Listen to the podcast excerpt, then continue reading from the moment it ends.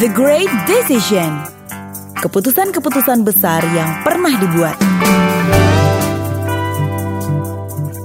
Keputusan besar di bisnis retail.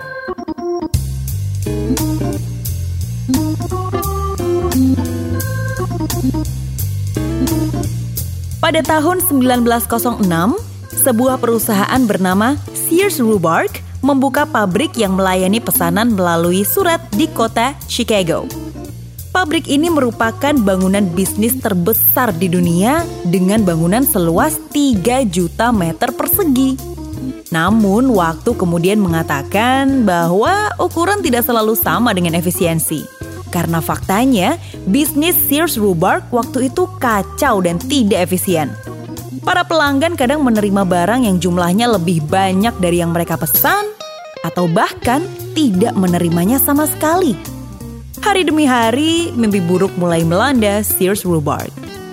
Pada saat Sears Roebuck guncang, masuklah Julius Jason Watt dengan konsep bisnis yang lebih jelas – kalau sebelum kedatangan Julius, perusahaan Sears dijalankan hanya dengan bermodalkan antusiasme, maka setelah Julius datang, kepastian menjadi sesuatu yang diterapkan oleh Julius.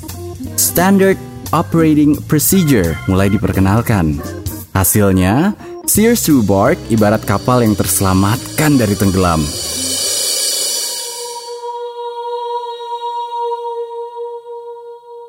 Tahun 1924, seorang eksekutif dari Montgomery Ward direkrut oleh perusahaan Sears Roebuck. Eksekutif tersebut bernama Robert Wood yang pertama kali mengenalkan bisnis eceran di Amerika. Namun, gagasan cemerlang Wood tidak diterima oleh para pemilik perusahaan Montgomery Ward sehingga Wood menerima tawaran Julius Jason Watt, CEO perusahaan Sears Roebuck Dunia kemudian mencatat bahwa perusahaan Sears Roebuck adalah perusahaan pertama di dunia yang memainkan bisnis eceran secara total.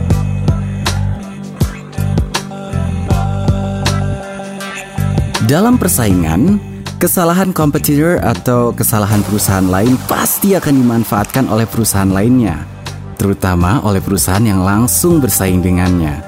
Keputusan perusahaan Montgomery Ward yang menolak gagasan Robert E. Wood ternyata dimanfaatkan secara jitu oleh Sears Roebuck. Bahkan, Wood bukan hanya diakomodir idenya.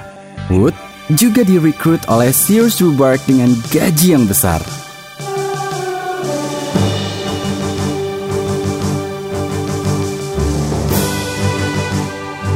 Kini banyak sejarah masa lalu yang mulai menghilang di perusahaan Sears Roebuck. Namun mereka tetap dianggap sebagai perusahaan eceran yang masih berarti. Dengan 833 pusat perbelanjaan dan lebih dari 1.300 toko lainnya, serta produk yang terjual melalui toko-toko kecil. Yang lebih penting lagi, Sears Roebuck tercatat sebagai perusahaan yang pertama kali menjalani konsep retail atau eceran di dunia. Untuk itulah, Sears Roebuck harus berterima kasih kepada gagasan Robert E. Wood. Lalu, keputusan-keputusan besar apa lagi yang akan kami ceritakan? Ikuti terus The Great Decision yang diadaptasi dari buku The 75 Management Decision Ever Made karya Stuart Craner.